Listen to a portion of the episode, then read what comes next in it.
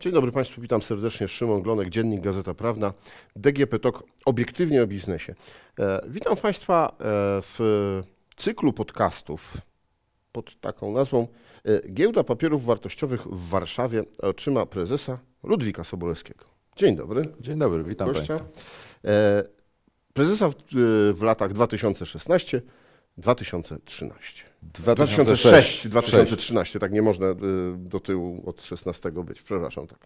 2006, 2013. E, jak to się dzieje, że prawnik e, interesuje się giełdą, rynkiem kapitałowym? No prawnik, faktycznie. Prawnik po Uniwersytecie Jagiellońskim. Doktor prawa. Nawet, tak.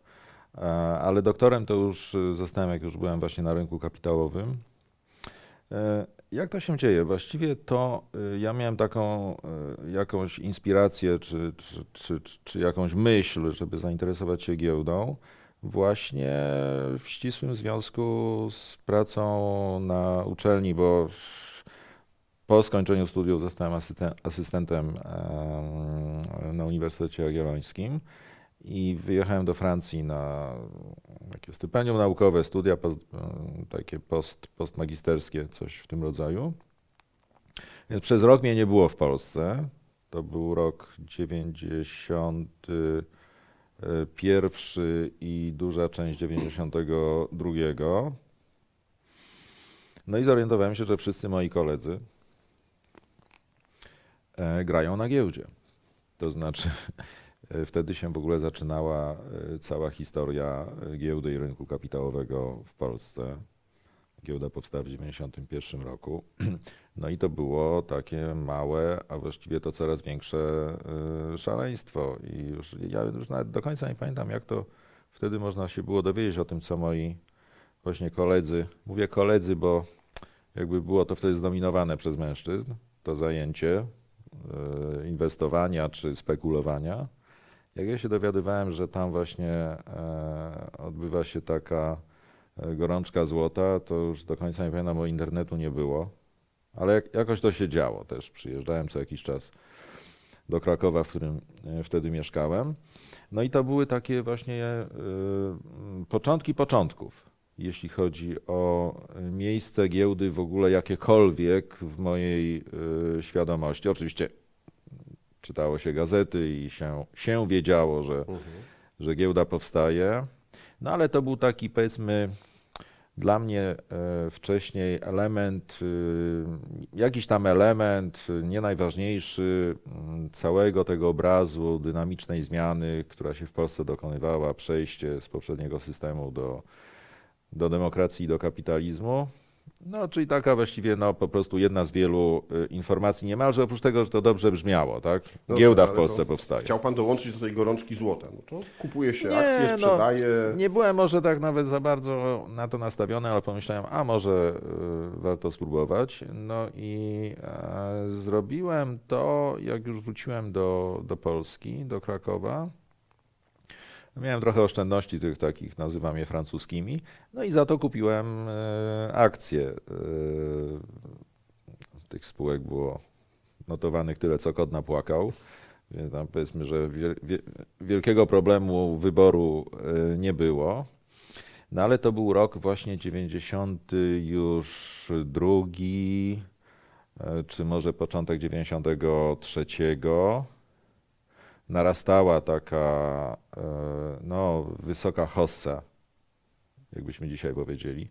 Chociaż to wszystko było takie bardzo malutkie, nierozwinięte, więc to patrząc na strony jakby... W tamtym czasie notowania raz w tygodniu?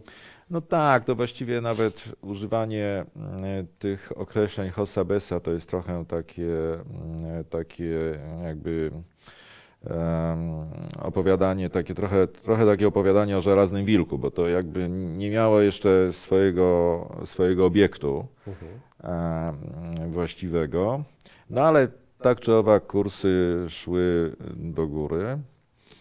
Mm, a w zasadzie nie miałem konceptu, co z tymi akcjami zrobić, jak już, jak już je miałem. No więc potem patrzyłem, jak y, to wszystko traci y, na, na wartości. No bo krach. Znowu, krach to jest takie słowo, które bardziej nam pasuje do rynku, który rzeczywiście ma pewne parametry takie, że można to uważać za, za rynek giełdowy czy rynek instrumentów finansowych. No a to było takie kiełkujące wszystko, no więc krach jest tutaj pewną taką metaforą. W każdym razie wszystko zleciało na łeb, na szyję. Może to jest lepsze określenie. e, W 1994 roku, na wiosnę. E, No i jeszcze nie wiedziałem wtedy, że z inwestora średnioterminowego, bo nigdy się nie uważałem za krótkoterminowego, ale ze średnioterminowego stałem się długoterminowym. E, No i to potem tam kiedyś sprzedałem Z dużą, z dużą stratą, z dużą stratą, tak, tak. Więc y, no i też to zapisanie się na akcję Banku Śląskiego w ofercie, która była prowadzona jesienią 93 roku. No to były takie jakieś tam pierwsze, pierwsze wprawki, jeśli chodzi o, o giełdę. No wtedy to już czułem, że rzeczywiście ona istnieje, no bo jak się miało trochę pieniędzy, nawet całkiem trochę, e, e, najpierw we frankach francuskich, no to, było, to był w ogóle trochę inny świat. Nie było euro, franki francuskie, trzeba było je wymienić na złotówki. E, Na szczęście już istniał kapitalizm, to było Można po roku było je 80. wymienić. Nie trzeba było prowadzić na ten temat negocjacji z y, konikami e, na rynku głównym w Krakowie, więc można było to, to zrobić w jakimś tam okienku. Więc to były takie pierwsze przygody e, z giełdą. No a w 1994 roku ktoś mi powiedział, wiesz, tam jest ta giełda w Warszawie w budynku, w dawnym budynku Komitetu Centralnego Polskiej Zjednoczonej Partii e, Robotniczej. Ja sobie myślę, w jakim dawnym, to dopiero tam kilka lat minęło, tak?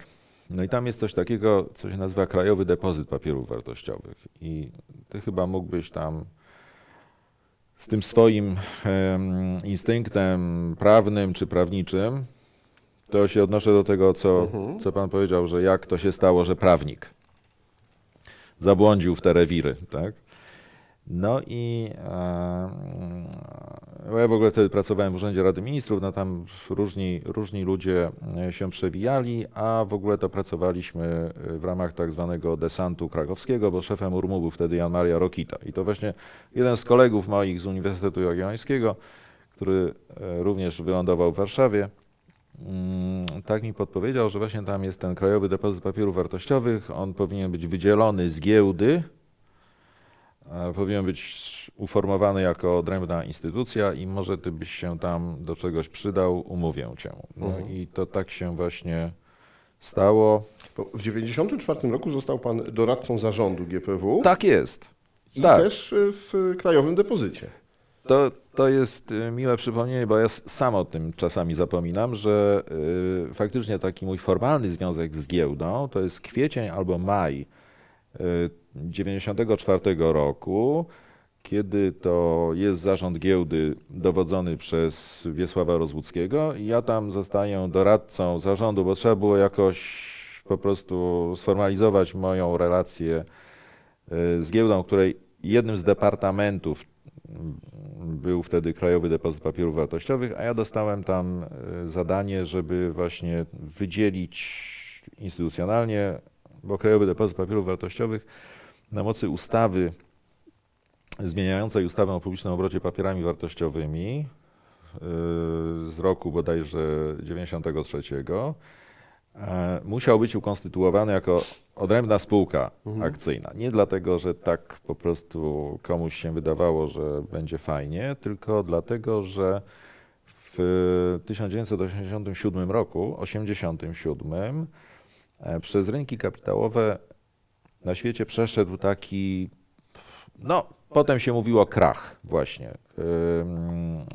Przy czym ten krach był spowodowany ekonomią, ale również ym, brakiem y, właściwej komunikacji między y, systemami rozliczeniowymi a y, y, systemami, które były odpowiedzialne za generowanie transakcji giełdowych i potem były takie słynne, znaczy słynne, słynne w naszym tym świadku branżowym rekomendacje mm, grupy najbardziej rozwiniętych rynków finansowych na świecie. Wśród tych rekomendacji było to, że w każdym kraju, który aspiruje do tego, żeby tworzyć rynek bezpieczny dla inwestorów, e, musi być właśnie taka, e, e, taka e, jedna na danym rynku instytucja odpowiadająca za rozliczenia transakcji i ona powinna być niezależna od operatora giełdowego.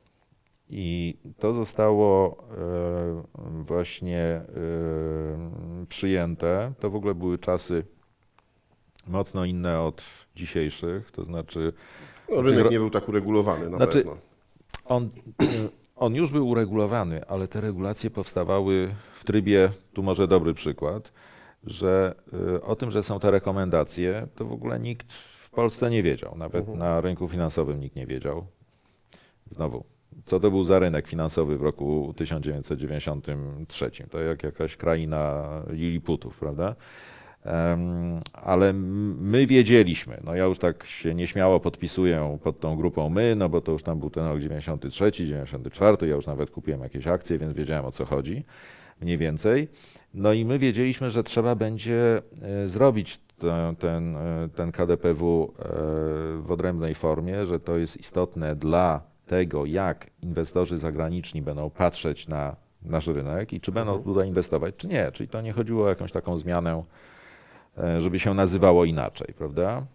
No i ponieważ my wiedzieliśmy, czyli Komisja Papierów Wartościowych, giełda, e, no i ci ludzie, którzy odpowiadali za rozliczenia transakcji w ramach, e, w ramach giełdy, no to, a jeszcze trafiliśmy na otwarty umysł profesora Grzegorza Domańskiego, który słusznie uchodzi za jednego z e, e, autorów tej takiej pierwszej matrycowej ustawy Prawo o publicznym obrocie papierami wartościowymi, tak to się chyba nazywało, no to się zaraz to potem pojawiło w, w przepisach i tam ten cały proces legislacyjny był krótki, sprawny i o dziwo jeszcze dobrze to zostało napisane i nie trzeba było niczego zmieniać, nim jeszcze się, nim jeszcze E, przepisy weszły w życie, co jak wiadomo e, zdarza się od czasu do czasu w czasach dzisiejszych. To takie ciekawe spostrzeżenie, że często patrzymy na te lata 90. jako taki dziki wschód.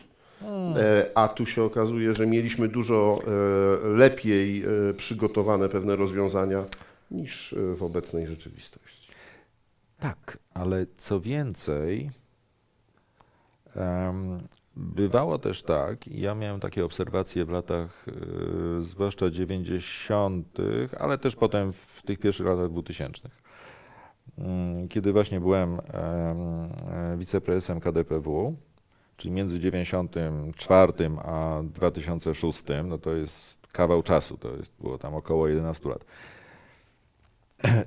Miewałem takie obserwacje, rozmawiając z ludźmi z, naszej branży, z rynków najbardziej rozwiniętych, że my bardzo często mieliśmy e, rozwiązania wdrażane, zabrzmi mm, bezczelnie, ale lepsze niż oni. Z czego to wynikało? Bynajmniej nie z tego, że my byliśmy jacyś, nie wiem, bardziej inteligentni, czy, czy, czy coś w tym rodzaju, tylko to wynikało z tego, że na tych najbardziej rozwiniętych rynkach e, funkcjonowały pewne praktyki, metody, na przykład rozliczania transakcji. Czyli czy my tam netujemy, kompensujemy wszystkie zobowiązania i, i należności, czy to robimy jakoś inaczej, dla przykładu, tak? co jest jakby fundamentalnie ważne dla, dla uczestników e, rynku kapitałowego. No i, e, i, to, i to funkcjonowało, i to funkcjonowało dobrze, co można było ocenić po, po rezultatach, ale ponieważ to e, było, e, e, można powiedzieć, że od zawsze, z perspektywy tamtych właśnie ludzi, no to też jakby nie było wielkiej skłonności do tego, żeby poddawać to jakiejś refleksji, analizie, krytyce, wprowadzać ulepszenia. Ja pamiętam rozmowę z takim właśnie bardzo uznanym specjalistą w dziedzinie rynku kapitałowego, który mówi do mnie na jakiejś tam konferencji w kuluarach, ale wiesz, my, my, my tam netujemy te transakcje od 30 lat i dlaczego mielibyśmy to robić inaczej, prawda? A my byliśmy tacy bardzo do przodu. E, Może trochę z tego powodu, że rynek był bardzo malutki, więc e, Można sobie było na wiele rzeczy pozwolić. tak, można było e, tak, chociaż i może uwaga w związku z tym, w związku z tym, że to był w ogóle czas e, wielkiej przemiany i zmiany, no to e, my byliśmy naturalnie usposobieni do tego, żeby po prostu stale myśleć i stale wprowadzać jakieś innowacje, innowacje oraz przede wszystkim stale się uczyć, bo przecież na początku w ogóle nie wiedzieliśmy niczego. E, Więc nie mogliśmy przyjąć założenia, że wszystko rozumiemy i właściwie dlaczego mielibyśmy dzisiaj zastanawiać się nad tym, jak i co można by, można by ulepszyć. To był taki, y, taki właśnie czas, więc y, on owocował y, różnymi rozwiązaniami, które mm, były nie tylko pionierskie w Polsce, ale w pewnym stopniu nawet na świecie, bo jak my wprowadzaliśmy system dematerializacji instrumentów finansowych, Znowu pamiętam kolegę ze Stanów, który mówił, no zaraz, ja wcześniej y, dawałem wnukowi akcję Disneya pod choinkę, jak było Boże Narodzenie, a teraz jest jakieś szaleństwo, już u nas też to wprowadzają, że w ogóle już nie będzie tam w tych, y, w tych schronach y, instytucji bankowych papierów wartościowych, bo to był taki okres jeszcze, taki, taka faza przejściowa, że już nie, nie krążą te akcje wśród Po- ludzi, pomiędzy- tylko jest tak zwana immobilizacja. Wszystkie te papiery zbieramy, zamykamy w Depository Trust Company, takiej instytucji depozytowej amerykańskiej i tam, tam z, z takimi wrotami bankowymi to tam leży, prawda? Potem no to już jakby w ogóle wszystko przybrało postać elektroniczną, więc ja dawałem te akcje Disneya z tym, tym tam, z tą myszką Miki, a co teraz będzie, tak? No, to było bardziej żartem niż na serio, ale jednak y, to była potężna zmiana, również taka świadomościowa. My się nawet obawialiśmy e, e, w początkach tej całej wielkiej innowacji, którą był, była giełda w Polsce, że jak ludzie nie będą widzieć, Nie dostaną fizycznie. czego kupują, tak? Mhm. A przecież Leszek Balcerowicz e, e, rozpoczynał wielką, wielkie odpaństwowienie polskiej gospodarki. No i e, to miało się stać za sprawą właśnie między innymi ludzi, którzy mieli kupować akcje prywatyzowanych przedsiębiorstw. No i była przez chwilę taka wątpliwość, czy Polacy, zwłaszcza Polacy, którzy zostali mm, doświadczeni poprzednim systemem, gdzie niczego nie było, znowu będą kupować y, coś, czego nie ma. To znaczy, no, będą kupować pewien znak, Zapis, symbol. zapis na Zapis. w banku czy w domu Właśnie. maklerskim. Nikt nie da im do ręki, żeby oni poczuli i uwierzyli, że faktycznie y, pieniądze wydali y, na coś i to mają, ale nie było z tym najmniejszego problemu. To znaczy, to była taka, okazało się, dywagacja teoretyczna. Mhm. W ogóle ta niematerialność e, akcji i e, funkcjonowanie inwestorów indywidualnych w tym systemie okazało się, że to, to, to nie, nie nastręcza żadnych problemów. I to ja myślę, że jest jeden z czynników mniej może komentowanych czy omawianych, ale jeden z poważnych czynników e, generalnie sukcesu tego całego przedsięwzięcia i tego całego projektu ustanowienia rynku giełdowego w Polsce, że to zostało tak właśnie łatwo zasymilowane przez normalnych ludzi. I my mieliśmy właściwie od początku e, bardzo istotną, bym nawet powiedział, klasę inwestorów mm, indywidualnych, która oczywiście z latami się powiększała, ale na początku właśnie giełda tylko stała. y, kliknęło na początku i tak. I W tych latach początkowych giełda tylko stała praktycznie y, inwestorami indywidualnymi. Oczywiście, dlatego że skąd mieliby się brać inni, prawda? To znaczy, mm, no, lokalnego kapitału instytucjonalnego nie było, więc e, to wszystko się opierało na inwestorach indywidualnych. Wielu z nich nawet nie zdawało sobie sprawę z tego, że jest inwestorami. No po prostu. Że tak się nazywają. Tak, że, tak się, że, że tak się nazywają, że tak można. No po prostu była okazja, żeby zarobić, prawda? I to raczej e, działało. Kapitał zagraniczny. Oczywiście Polska miała bardzo dobrą mm, percepcję mm, na początku lat 90. No ale e, mówimy o, o rynku finansowym, więc y, mm, tam byli ludzie, którzy potrafili zrozumieć ryzyko rynku niepłynnego, mm, w zasadzie o braku podaży instrumentów, chociaż znowu to było od początku mitygowane tym, że ta lokalna noga istnieje. Ten, ten, ten, ten, ten, ten, ten lokalny ktoś w pewnej już masie, który w razie czego no, w jakimś tam stopniu mógł e, być kontrpartnerem w transakcjach, no ale to był taki, bym powiedział, udział tych inwestorów zagranicznych ciągle bardzo, bardzo symboliczny. Oczywiście z czasem się to zmieniało, no bo jak wchodziły e, na giełdę mm, duże firmy państwowe, a w ogóle to było jedyne źródło dopływu spółek przecież przez wiele lat, no to e, tak jak powiedziałem wcześniej, że ludzie na rynkach rozwiniętych potrafili ocenić ryzyko płynności i w ogóle no, praktycznie brak rynku, ale potrafili też zrozumieć, że jak będą wchodzić spółki, które miały stuprocentowy udział w rynku w poprzednim systemie, no to chyba to jest warte uwagi, e, żeby tam zająć jakąś e, pozycję. Oczywiście mówimy tylko o spółkach, które Mhm. były prywatyzowane właśnie poprzez giełdę, a nie poprzez inwestora branżowego, no bo wiadomo, że były różne metody prywatyzacji i giełda to w ogóle przez wiele lat, mm, właśnie niemalże przez cały okres, y, kiedy możemy mówić o prywatyzowaniu gospodarki, no to była tam taką jakby opcją drugorzędną. Y, W pewnych latach, owszem, może z większym naciskiem czy z większym akcentem, ale, ale, ale jakby no nigdy nie była uważana za, za jakieś w ogóle sine qua non, y, narzędzie do, Mhm. do prowadzenia procesów prywatyzacji. No dobrze, to wróćmy do tej Pana historii. Od 1994 roku e, jest Pan związany z giełdą, ale nie bezpośrednio w spółce Giełda e, Papierów Wartościowych w Warszawie. Przygląda się Pan temu rynkowi. Jak się współpracuje z e, tamtejszymi władzami? Jak się w ogóle przygląda?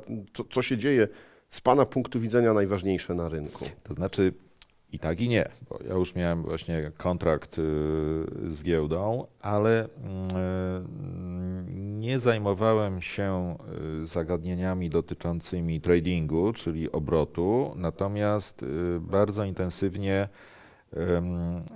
właśnie kwestiami takimi jak y, system depozytu papierów wartościowych i, i rozliczeń, bo chodziło o to, żeby właśnie to wyprowadzić e, z giełdy.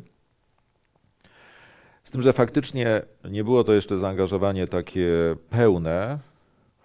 Był to ciekawy okres e, w moim życiu. Pewnie gdyby nie było pociągów Intercity, to by to w ogóle nie mogło zadziałać, a tak to one były. W związku z tym trzy razy w tygodniu e, o świcie wyjeżdżałem z Krakowa i ostatnim pociągiem wracałem. Trzy, trzy razy w tygodniu to taką miałem umowę.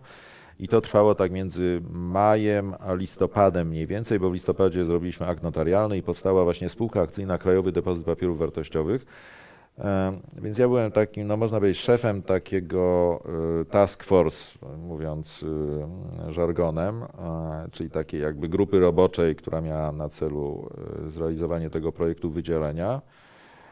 Mm, Oczywiście głównie ja osobiście byłem skupiony na kwestiach regulacyjnych, a całe to przedsięwzięcie powiodło się, a, to przedsięwzięcie polegające na wyodrębnieniu, powiodło się akurat w mniejszym stopniu ze względu na te kwestie regulacyjne, a w większym stopniu ze względu na bezbłędność całej operacji pod kątem informatycznym.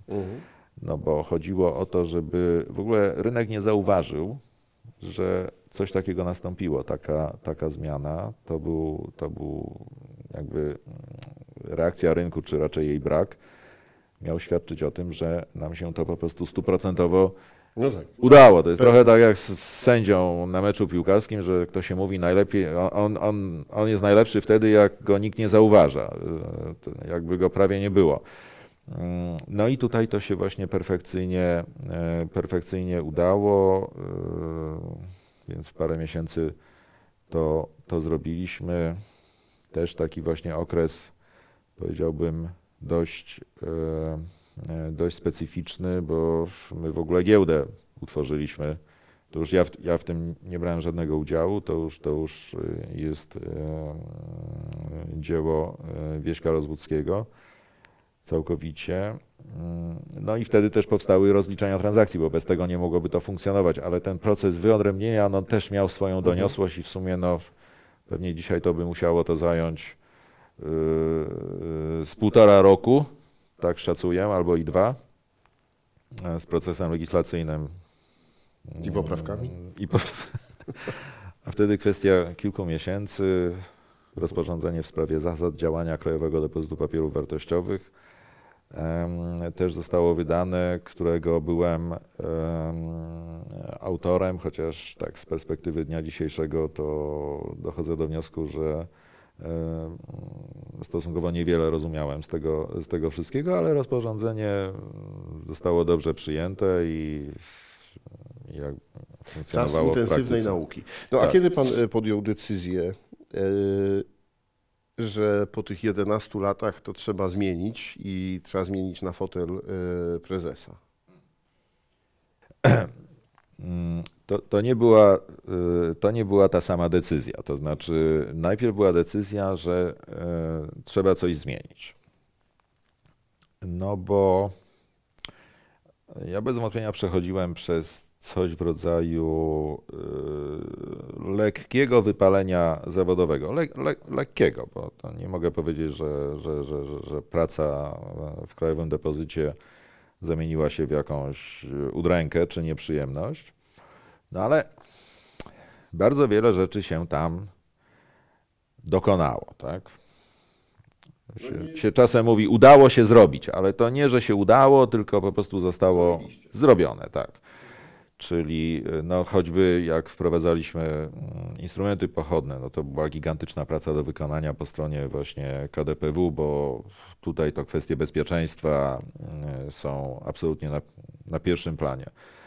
Y, Czy nowe instrumenty, nowe techniki postępowania y, z nimi, ym, czy na przykład udział KDPW w reformie emerytalnej, E, a więc KDPW jako fundusz, e, jako fundusz gwarancyjny, jako, jako obsługujący wypłaty transferowe, czyli jak ludzie zmieniali przynależność do, do OFE. E, Więc sporo, y, sporo się działo, no i przyszedł taki moment, że y, już miałem takie poczucie, że no, no, no bardzo wiele się wydarzyło. I jak człowiek ma takie poczucie, to zaczyna może bardziej dostrzegać też jakąś rutynizację czy powtarzalność jakichś, jakichś czynności. I tak sobie pomyślałem, że ja w ogóle próbowałem mentalnie odejść z KDPW nawet wcześniej niż po, po 11 latach, ale jeszcze trochę zostałem przekonany, trochę przekonałem sam siebie, że to może za wcześnie. No i już nieodwołalnie podjąłem taką, taką decyzję y, gdzieś tam, chyba to była końcówka 2005 roku. Jeszcze sobie w 2005 roku w październiku, jeśli dobrze pamiętam, wszedłem na Kilimandżaro, żeby jakby przypieczętować tę moją ewolucję mentalną, że sobie zrobię takie symboliczne wejście na, na tę e, piękną górę i to, zdobyłem, czas na nowe. tak jest, tak, dokładnie. E, Więc już byłem gotowy mm, do tego i już, e, ale nauczony wcześniejszym doświadczeniem, jak próbowałem zdobyć się na to, czy jakby tak się przełamać w tym kierunku, że w ogóle otwieram jakiś nowy rozdział w moim życiu i mi się to nie udało, to poprosiłem e, szefową mojego, e, e, szefową promocji, działu promocji i marketingu w KDPW, aby e, puściła taką pogłoskę do e, dziennikarzy, taki coś takiego. e, do dziennikarzy parkietu, że e, ja nie zamierzam kandydować e, na następną kadencję, bo to też jakoś właśnie nam się kończył mandat właśnie w okolicach E, Nie, miał się skończyć właśnie w połowie 2006 roku. No ta pogłoska została tam natychmiast podjęta, od razu zadzwonił dziennikarz, yy, mm, czy to prawda, więc y, ja to potwierdziłem, bo chodziło mi o to, żeby też stworzyć taki fakt dokonany, że już to się ukuż, okaże, ukaże w prasie, w mediach, no to już nie będę mógł się Żeby nie było argumentów, a może zostań jeszcze. tak, no bo już powiedziałem, no to przecież nie będę teraz tego odwoływał. I właśnie, i właśnie e, ten fakt dokonany, medialny zaistniał gdzieś tam w pierwszych miesiącach, zupełnie pierwszych miesiącach roku 2006. No a potem wydarzenia się potoczyły w ten sposób, że E, Wiesiek Rozłucki powiedział publicznie, że nie będzie stawał do konkursu na prezesa giełdy w roku właśnie tym 2006. W czym jakby bardzo go rozumiałem, bo Rozłucki był już wtedy e, taką no, co najmniej pół legendą y, polskiego rynku kapitałowego i to, że teraz może sobie wystartować w konkursie na prezesa giełdy, no niby to było zgodne z jakby z pewnymi, no nazwijmy to dobrymi praktykami, e, ale e, troszeczkę niezgodne z jego już taką posturą e, człowieka, który mm, no nie był, e, nie był e, tylko profesjonalnym, ale e, zwyczajnym menedżerem, no ale był gościem, który w ogóle jakby intelektualnie to w ogromnej mierze powołał do życia, tak? Więc no i on ogłosił, że, że nie będzie w tym konkursie startował. A ja to wszystko przyjąłem tak dosyć obojętnie, e, bo ja już wtedy miałem jakieś tam inne plany, e, plany zawodowe. Jakie? no. Y, Wtedy chciałem zostać prawnikiem. Wreszcie. Wrócić do zawodu. nie, nie wrócić, właściwie go y, rozpocząć, bo proszę zauważyć, że to tu nawiązuję do, do pana pierwszego pytania. Jak to się stało, że prawnik Mhm. y, związał się z rynkiem kapitałowym? No ja byłem prawnikiem y, bez wątpienia y, z wykształcenia. Nawet zrobiłem mm, tak zwaną aplikację radcowską, czyli zostałem radcą prawnym. Jak byłem we Francji, to się przygotowałem do egzaminów, potem wróciłem, zdałem te egzaminy, zostałem radcą prawnym, ale pasjonowała mnie kariera akademicka. E, Więc y, co więcej, y, pracowałem w, instytut, w Instytucie Historyczno-Prawnym, czyli takim jakby no nie, nie zajmującym się bezpośrednio prawem tym obowiązującym dogmatycznie. Więc ja właściwie nie wykonywałem tego zawodu. I potem te historie, które opowiadam, no to już mnie przeniosły od roku 94 definitywnie w obręb rynku kapitałowego. I do 2006 roku oczywiście to, że jestem prawnikiem, kolosalnie mi pomagało i w tym procesie uczenia się, i w tym procesie e, wprowadzania różnych rozwiązań e, w tym obszarze, za który odpowiadałem, bo to był obszar od początku mocno uregulowany, tylko innymi metodami niż to się dzieje obecnie. No bez, bez tego nie mogłoby to e, w ogóle funkcjonować. Ja sobie No, miał pan po tych studiach narzędzia do, do tego, żeby no takie wykonywać. bym powiedział umysłowe narzędzia, tak? Mhm. E, No to jest dobre zresztą, bo jak się człowiek styka, teraz wracam do, jeszcze na moment do tego, do tych lat 93-94 z czymś, co jest w ogóle e, jakimś takim bytem osobliwym, no to to, że, się na, że można na to nałożyć jaką, jakieś konstrukcje, które są logiczne, spójne w ramach tych swoich konstrukcji. Oczywiście one jakby nie pozwalają zrozumieć w pełni meritum tego zjawiska, ale potrafią je jakoś okiełznać. To, to jest bardzo, bardzo istotne. Więc w 2006 roku sobie pomyślałem, a może założę kancelarię prawną i może zostanę y, wreszcie y, prawnikiem. No ale wtedy dostałem telefon od, y, od, od kogoś, kto był w ówczesnej Radzie Giełdy. Em,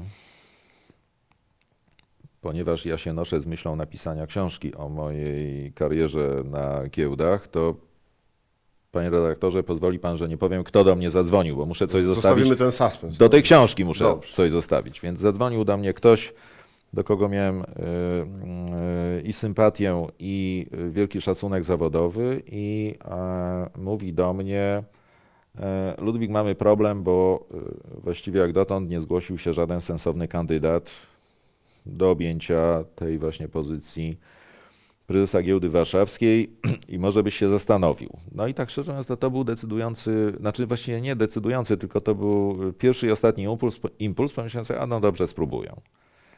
No i, no i tak to się zaczęło dziać. E, Że... Jakie były wymagania konkursowe? Wymagania konkursowe były takie, bo ja uważam w ogóle, że to był bardzo, bardzo e, zawodowo zorganizowany konkurs e, z bardzo istotnymi jeszcze takimi e, elementami już nieformalnymi, ale one się pojawiły później, później.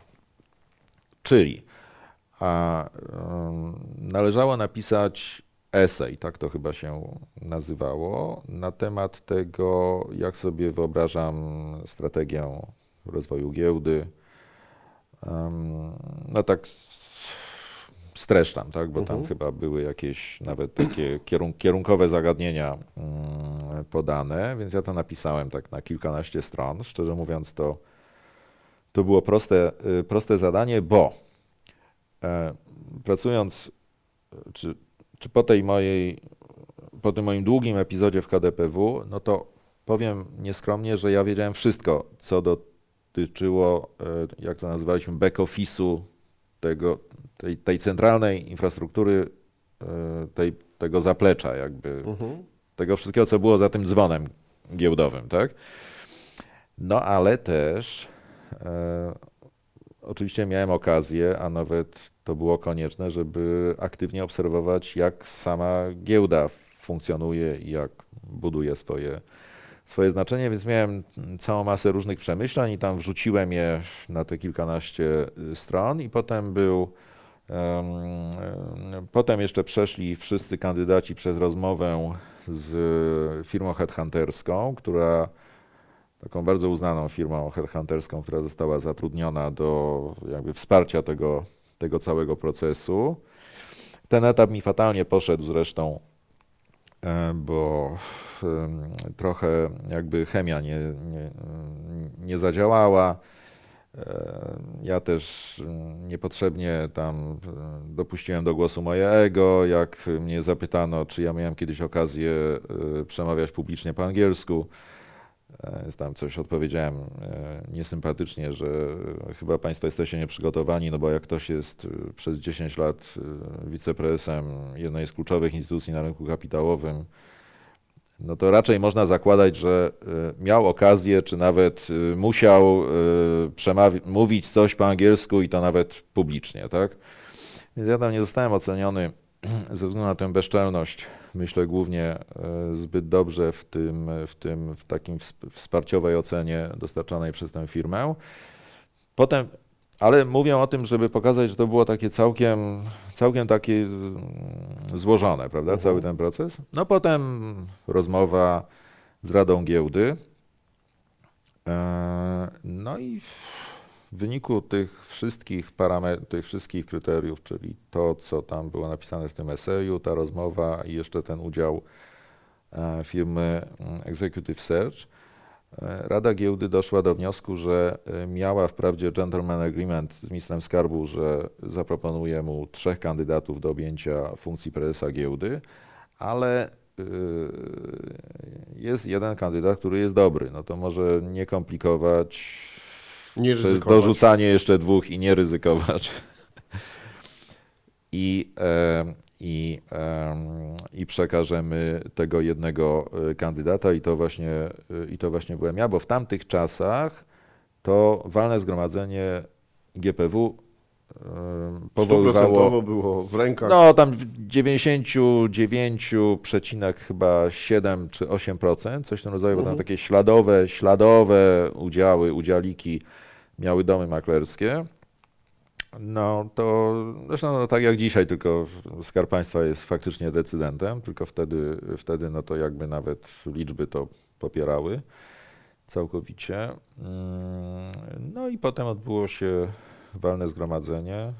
Minister Skarbu myślał przez cały weekend, y, co on ma zrobić z taką sytuacją, jak prosił o trzech, a dostał. A pamięta pan, kto był wtedy ministrem? No, ministrem był wtedy mm, e, Wojciech Jasiński. Minister był Wojciech Jasiński. To było w rządzie Kazimierza Marcinkiewicza. E, I minister Jasiński nawet potem znacznie później mi powiedział, że panie prezesie, ja, ja w ogóle nie miałem nic przeciwko panu, tylko ja prosiłem o trzech kandydatów, a, a Rada Giełdy mi tutaj e, Przysłała przysłała, jedno nazwisko, tak? I poczułem się tak trochę źle potraktowany. Żalił się e, minister.